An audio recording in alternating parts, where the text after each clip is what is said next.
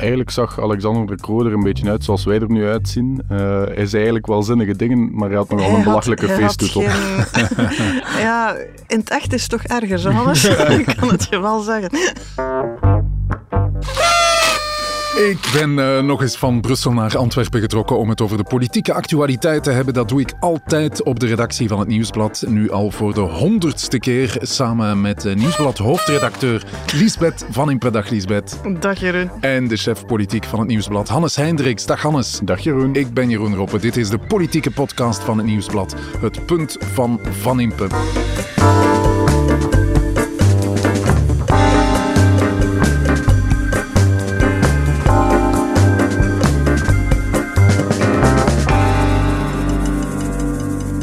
Proficiat, Lisbeth Hannes, we hebben het gehaald. Hè? Aflevering 100, dat is uh, al bij al vlot verlopen. Hè?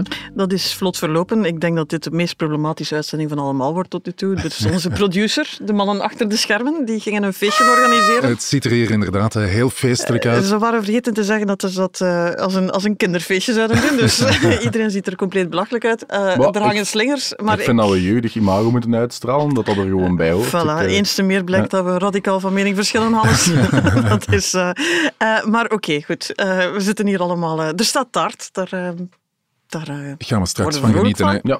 100 uh, punten van Van Impe, 100 afleveringen. Goed uh, voor in totaal een kleine 300 uh, punten. Zeker een zeventigtal verschillende Belgische wijnen ook. Wijndomeinen tenminste. En verschillende wijnmakers. maar vooral heel veel inzicht in wat er allemaal speelt in de politieke actualiteit. Dat is allemaal veel helderder geworden voor mij. Dankzij jullie allebei. Waarvoor dank. Ik heb pralines meegebracht trouwens uit Brussel.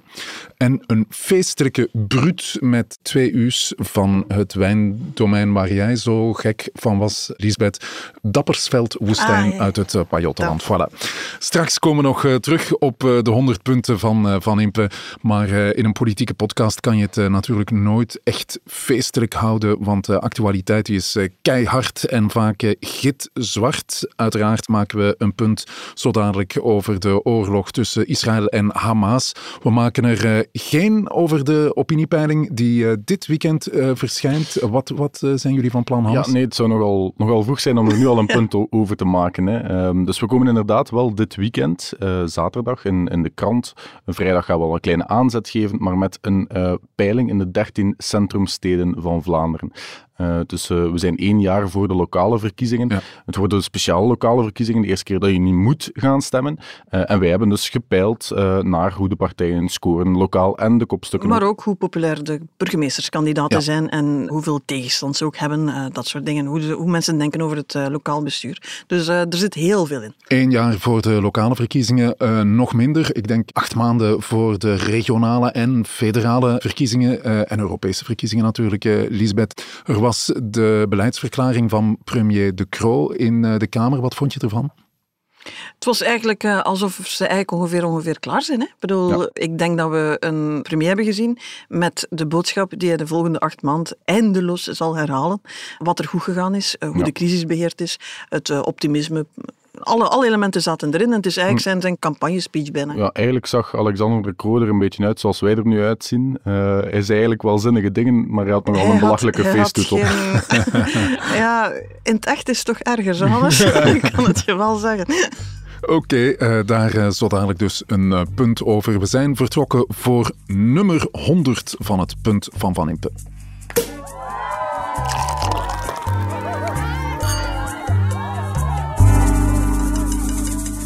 Met ons akkoord verdubbelen we het aantal sectoren waar flexijobs mogelijk zijn. En vooral zorgen wij ervoor dat werken loont en dat er meer schouders zijn die onze welvaart kunnen dragen. Eerste minister Alexander De Croo tijdens zijn beleidsverklaring in het parlement. Dat is een eh, jaarlijkse traditie. Het is de laatste beleidsverklaring trouwens van deze regering, want volgend jaar zijn er verkiezingen. De boodschap is eigenlijk de begroting die is rond en daar moeten wij niks extra's voor ophoesten. De factuur die is voor de banken. Heb ik dat goed begrepen, ja, en, en, de rokers. Dus oplossen is, in, is in deze zeer uh, toepasselijk. Welke accenten, Hannes, heb jij nog uh, ontwaard in deze begroting? Ja, er is uh, een klein beetje ruimte voor, voor nieuw beleid, zoals dat dan, zoals dat dan heet. Dus ze gaan extra geld geven aan veiligheid, om de veiligheid in stations ja, te verbeteren. de politie krijgt meer geld. Ja, inderdaad. De minimumlonen gaan ook een beetje omhoog. Dat is dan weer een eis van de PS.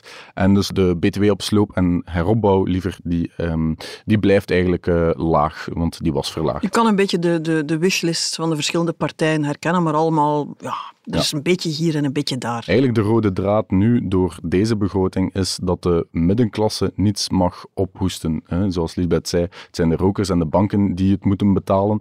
Eh, als je dan naar de Vlaamse regering kijkt, die hadden een begroting gemaakt waar er zo'n aantal cadeaus aan de middenklasse werden gegeven. De jobbonus, die premie voor elektrische, elektrische wagens. Hier mocht vooral de middenklasse uh, de rekening niet betalen. Elke partij die in de meerderheid zit, herkent zich een beetje in deze begroting. het verwijt dat de regering krijgt is, er zitten veel te weinig hervormingen in. Hoe problematisch is dat, uh, Lisbeth? Wel, we hebben het al eerder gezegd, hè, dit land heeft een aantal hervormingen nodig. En ik denk dat vicepremier eh, Vincent van Petegem daar heel eerlijk over was op de radio. Die zei van ja, eigenlijk het momentum is voorbij. Het gaat er in deze regering niet meer van komen. Ja, dus geen fiscale hervormingen, nee, geen nee, Iedereen voelt dat ook. De premier natuurlijk, die doet alsof dat, dat wel nog het geval is. Hij heeft uh, zo vaak het woord flexiejob laten vallen dat je zou denken dat dat een arbeidsmarkthervorming van zijn eigen is. Wat het natuurlijk niet is. Dat lost de fundamentele problemen in onze arbeidsmarkt niet op. Hij zegt, we gaan tot de laatste dag blijven doorwerken, alsof dat dus alles nog zou kunnen. Uh, ja, ik denk dat je daar moet gewoon, moet gewoon voor eerlijk zijn. Ze hebben een aantal dingen geprobeerd die niet gelukt zijn. Ze hebben een aantal dingen zelfs niet eens aan begonnen. Dus uh, ja, op dat vlak mag je eigenlijk niet veel meer verwachten. Dat is een fundamentele kritiek. Andere kritiek is, Europa zou deze begroting wel eens eh, niet kunnen goedkeuren.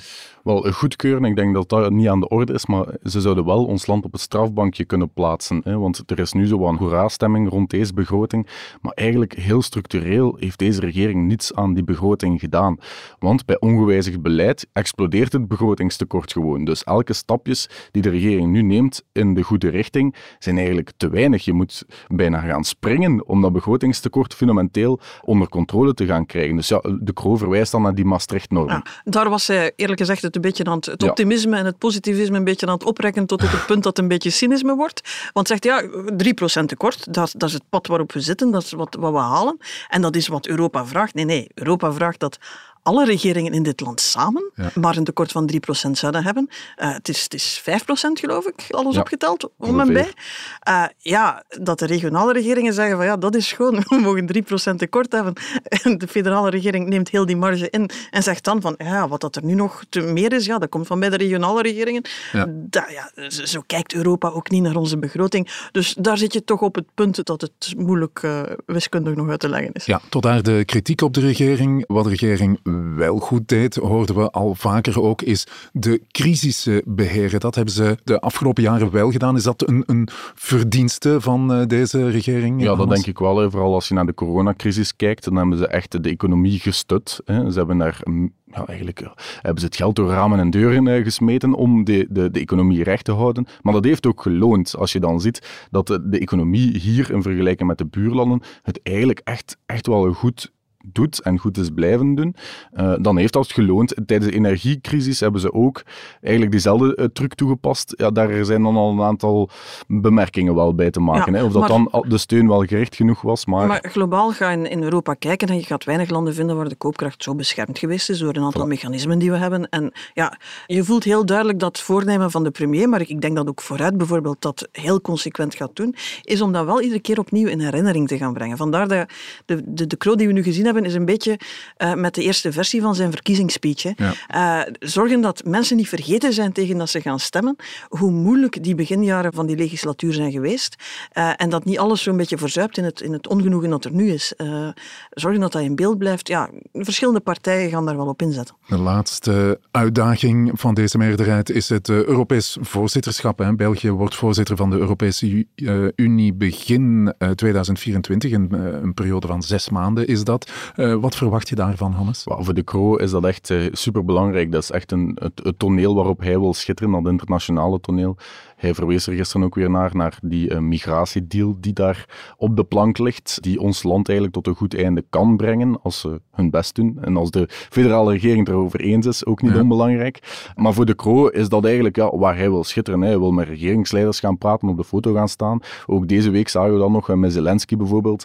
Er is nooit sprake geweest uh, dat wij F-16's naar Oekraïne gingen sturen. Nu kan dat plots. Plots kan het wel. Plots kan dat wel. Dus ja, je voelt dat de Kro daar wil scoren en daar alles wil, wil aan doen om daar ook effectief te kunnen scoren. Je zou kunnen zeggen, wat nu nog overschiet van zijn premierschap is het stuk dat hij het, het liefst doet, waar hij, waar hij zich als een vis in het water voelt.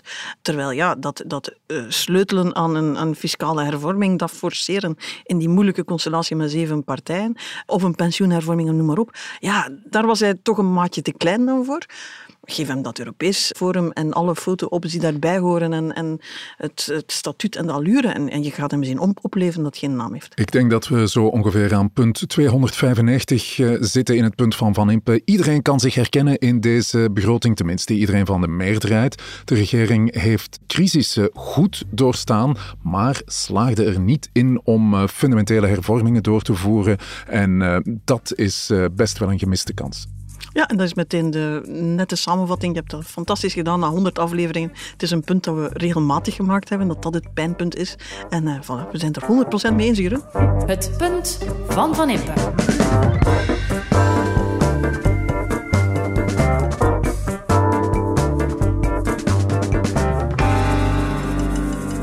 Men mag denken over de complexe problemen van het Midden-Oosten wat men wil.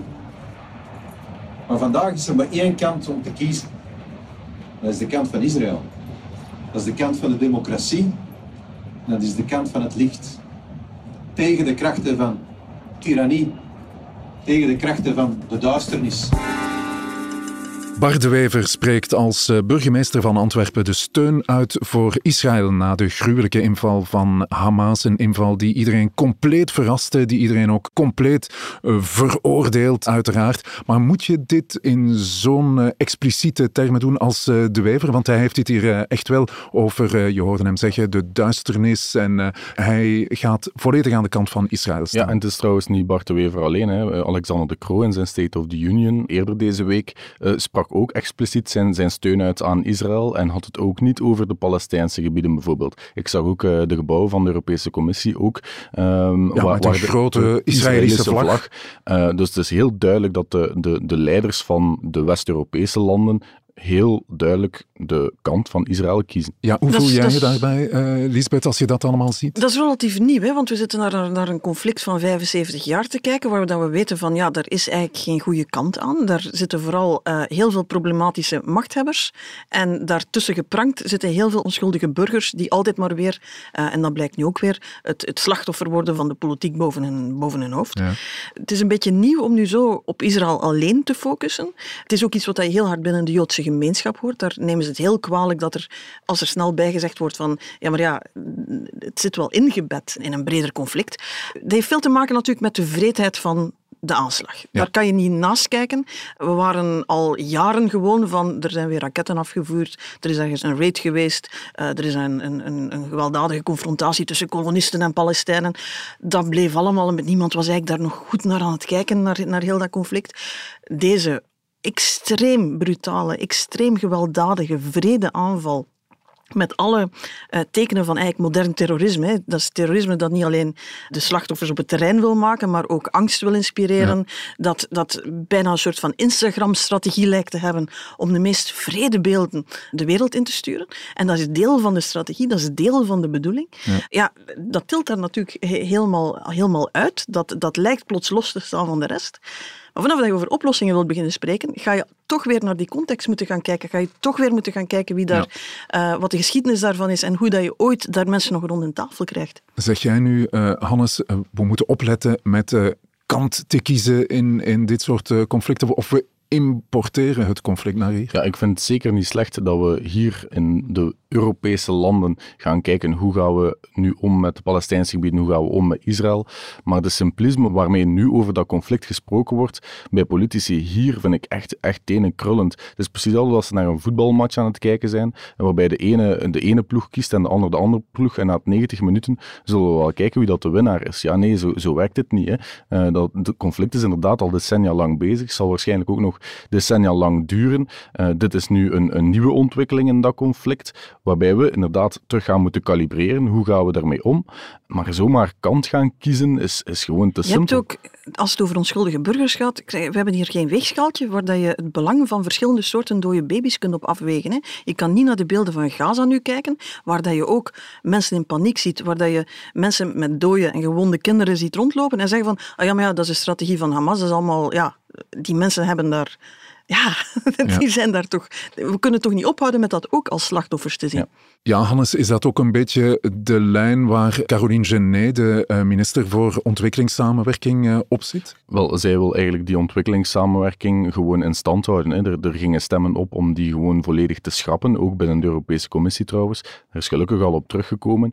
Maar ik denk ja, dat je die twee toch wel wat los van elkaar moet zien. Inderdaad, Hamas heeft een terroristische aanval uitgevoerd. Tegelijk, als je gaat kijken naar de situatie op het terrein, hoe mensen daar leven in Gaza. Ik heb het even opgezocht, uh, hoe groot Gaza eigenlijk is. Dat is 40 kilometer op 10 kilometer, dus echt een klein lapje grond, uh, waar 2,3 miljoen mensen tezamen wonen in echt erbarmelijke omstandigheden. Dus uh, ja, zomaar die ontwikkelingshulp aan die mensen gewoon ja. gaan afsnijden, ja, dat, is, dat, is, dat zou echt wraakroepend zijn. Ja, uh, in alle geval, Lisbeth, we moeten heel goed op onze woorden letten, want dit is ook onze oorlog. Hè? Uh, dit is opnieuw vlak aan de grens van Europa uiteindelijk. En opnieuw, hè, de gevolgen kunnen we vandaag nog niet overzien, maar, maar die, dat hele Midden-Oosten kan hierbij betrokken geraken. Dan hebben we het over landen als uh, Iran, die toch nog altijd dromen van kernwapens, en Israël dat kernwapens heeft. We hebben gezien wat uh, de Oekraïne-crisis met de gasprijs gedaan heeft. Dit is het gebied dat bepaalt hoeveel dat we voor onze benzine ja. en onze olie betalen. het zou niet de eerste keer zijn dat een conflict daar ervoor zorgt dat de olie veel duurder wordt. Je hebt het over uh, nieuwe vluchtelingenstromen. Er zijn al relatief veel Palestijnen in België. We zijn daar een van de, de, de bestemmingen. Je moet geen glazen bol hebben om te zien dat, dat daar op dit moment mensen aan het kijken zijn hoe ze daar weg kunnen geraken natuurlijk. Oké, een tweede punt uh, van vandaag. Dit is ook onze oorlog. En uh, dan kijken we maar beter goed uit met kant kiezen in een conflict tussen Israël en Palestina. Ja, ik denk dat de politici nu gewoon uh, moet, moeten gaan nadenken uh, hoe ze met zowel Israël als met de Palestijnse gebieden op een of andere manier aan tafel kunnen gaan zitten. Of die twee aan tafel proberen te krijgen. Dat is alleszins de taak van de, van, van de wereldleiders. Ja. En je kan de absolute veroordeling voor de terreur van Hamas perfect combineren met nog altijd een historisch besef van de context waarbinnen dat gebeurd is. Het punt van Van Impe.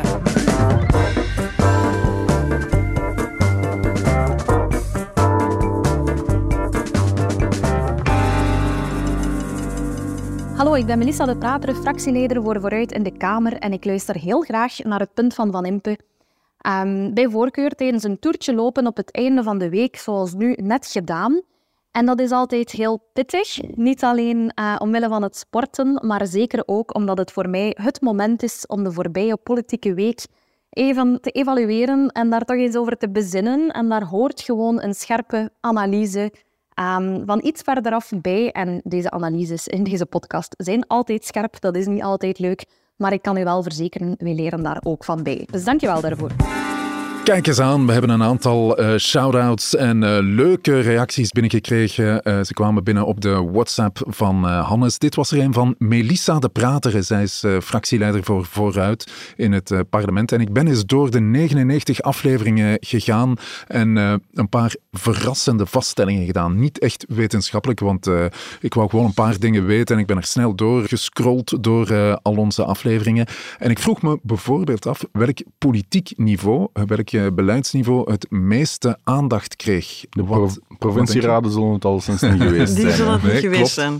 Ik zou uit automatisch nog altijd denken dat we nog altijd meer aandacht aan het federale niveau geven. Ja, maar... klopt. Heel juist, uh, Lisbeth. Het lag dicht bij elkaar, het Vlaamse en het uh, federale niveau. Maar het, uh, het, federale niveau kreeg net iets meer aandacht. Soms was het moeilijk te bepalen in het geval van het overlegcomité bijvoorbeeld, want dat zijn alle dat niveaus samen. samen. en ik stip ook aan dat het Brussels niveau zo goed als niet aan, aan bod kwam. Je blijft proberen, Jeroen, maar... dat, is misschien, dat is misschien een We spreken niet over gemeenteraden, sorry. Oké, dus uh, Melissa de Prater heeft uh, niet te klagen, hè, want het federaal niveau kwam het meeste aan bod in het punt van Van Impe. Neem me niet kwalijk, Hannes, maar ik kijk nog eens even in jouw WhatsApp voor een volgende reactie. Die is van Raoul Hedebouw. Ik luister naar de podcast van jullie allemaal terwijl ik aan het joggen ben. Waarom ik echt fijn vind, is omdat er ehm, ja, ik denk als politici altijd interessant is om te delen hoe dat de verschillende sequenties, de politieke sequenties geanalyseerd zijn. Een beetje methodologisch, met de geschiedenis, met het heden en vooral ja, hoe dat de toekomst in elkaar zit. Dus dat is altijd wel fijn uh, als Anne en Elisabeth uh, daar, daarover beginnen. Je wilt natuurlijk ook horen hoe dat uw eigen partij beoordeeld wordt in zijn eigen politieke actie. Niet alleen maar vanuit ja, on, onze eigen analyse natuurlijk, maar ook hoe dat het van buitenuit een zekere blik daar rond, uh, daar rond is. Dus uh, ik zou zeggen, doe zo door. 100 nummers is perfect, maar uh, op naar de 200. Doei! Raoul Hedebouw, voorzitter van de extreem linkse partij PVDA.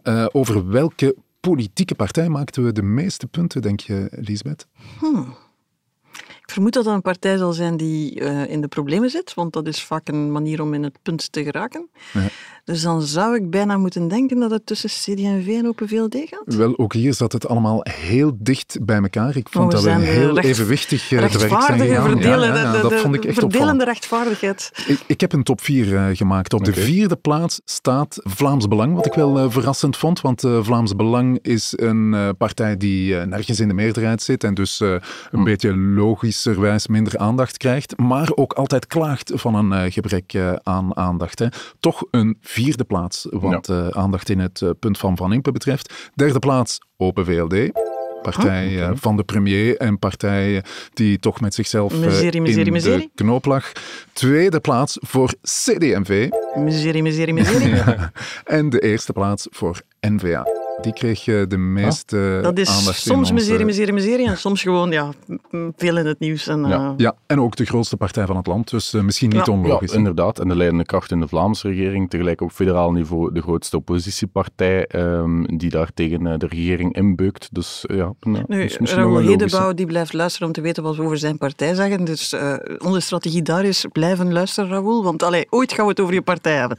Welke politicus kreeg de meeste aandacht, denk je, Lisbeth? Goh, je moet ervan uitgaan dat Bart de Wever wel regelmatig passeert, denk ik. Die zit inderdaad in de top uh, uh, We hebben onze, onze bête noire, uh, Georges-Louis Boucher, die, ah. die we toch af en toe Charles eens... Michel misschien ook? Nee? Charles Michel is... dat was alleszins het scherpste punt, denk ja, ik. Maar. Nu, je zei daarnet, Zowaldimir heeft niet te klagen, want ze krijgt vaak aandacht in de podcast. Ik weet niet of dat altijd iedereen even blij is met aandacht in de podcast. ik zal eens zeggen wie op drie staat. Op drie, minister-president Jan Jambon. Okay. Dat moet de helft van de keren geweest zijn omdat, met de vraag van waar is Jan Jan Bon en wat is hij aan het doen? Ja, ja op uh, twee ex aequo, uh, Bart de Wever en uh, Conor Rousseau. Oké. Okay. Ja, en op P1 ook een ex aequo, de premier, Alexander de Croo. En, je had het juist, Georges-Louis Boucher. Dat is ongelooflijk. We moeten daar wat minder aandacht aan beginnen geven, denk ik. Tja, het is in die zin wel um, ja, een beetje een trend, aangezien er twee politici zijn die fors boven hun gewicht aan het boksen zijn. Uh, als we de peilingen mogen geloven, toch. Dus. Ja. ja maar ongelooflijk toch hoe zo'n uh, Georges-Louis Boucher erin geslaagd is om uh, alle aandacht naar zich te trekken. Hè? Ja, dat is ook het belangrijkste waar hij natuurlijk in geslaagd is. En uh, ja, we hebben het vaak over die federale regering gehad, over het uitblijven van hervormingen. Ja, daar heeft hij natuurlijk heel vaak een heel zichtbare rol in gespeeld. Uh, de PS heeft ook veel geblokkeerd, maar ja, Paul Magnet zullen we toch minder over gehad hebben. Die doet dat iets discreter, terwijl Boucher meer ja, de, de, de fusée erin steekt als iedereen erop staat te kijken. Iemand uh, die in die 99 afleveringen niet, helemaal niet aan bod kwam en nu zijn moment de gloire krijgt, dat is Vlaams parlementslid voor Open VLD, Maurits van der Rijden. Ik beken, ik luister naar het punt van Van Impe, voornamelijk tijdens het lopen. Dan is mijn hartslag sowieso al hoger, dus dat scheelt. Het is de podcast waar het meeste wijn uit het Hageland in voorkomt. Dat kan ik alleen maar toejuichen. Maar wie verder dan al het alcoholmisbruik luistert, die krijgt een beeld van politici alsof wij allemaal een soort van personages uit Faulty Towers zijn. Nu, wanneer ik in ons parlement zit rond te turen, dan is daar misschien wel wat van aan. Maar ondanks die driedubbele laag cynisme zitten er in de punten bewonderenswaardig veel nuance en ook veel ongemakkelijke waarheden. Dat zijn twee dingen die we misschien wel meer nodig hebben in het maatschappelijk debat. Waarvoor hulde? Als ik tenslotte toch een punt van der Rijden mag maken, ga alsjeblieft wat meer naar het parlement. Trek uit die luie zetels in Antwerpen. Ik hoor dikwijls zeggen, en nu pas schiet de politiek in actie. Ja, daar is dan een hardwerkend parlementslid zonder 13 communicatiemedewerkers al jaren mee bezig geweest. Soms bereikt een volksvertegenwoordiger zelfs iets mee. Stel u voor, um, media volgen alleen nog maar media, weinig media die volgen het parlement. Dat is problematisch en ik geef toe, het is soms wat doorbijten. Het is niet altijd even bevlogen, maar bekijk het dus nooit via YouTube, snelheid maal 2. Met wat Hagelandse wijn gaat dat nog net moeten lukken, denk ik. Ja, toch iemand die uh, de goede wijn uh, apprecieerden, hè, die wij hier uh, altijd drinken. Opkomend Vlaams parlementslid, ja. uh, waarschijnlijk ook lijsttrekker als ik het goed heb ja.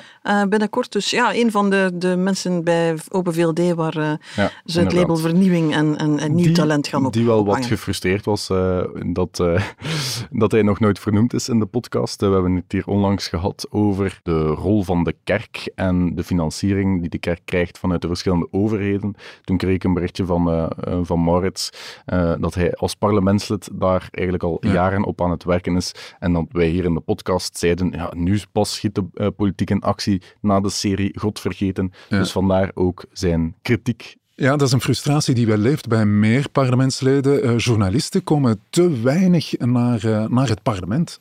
De afstand is ook letterlijk uh, groter geworden. Jullie zitten in Antwerpen, niet in Brussel. Ik heb het nooit anders, anders meegemaakt dat ze vinden dat er te weinig aandacht is voor het parlement. Ik vind dat ze daar soms een punt hebben.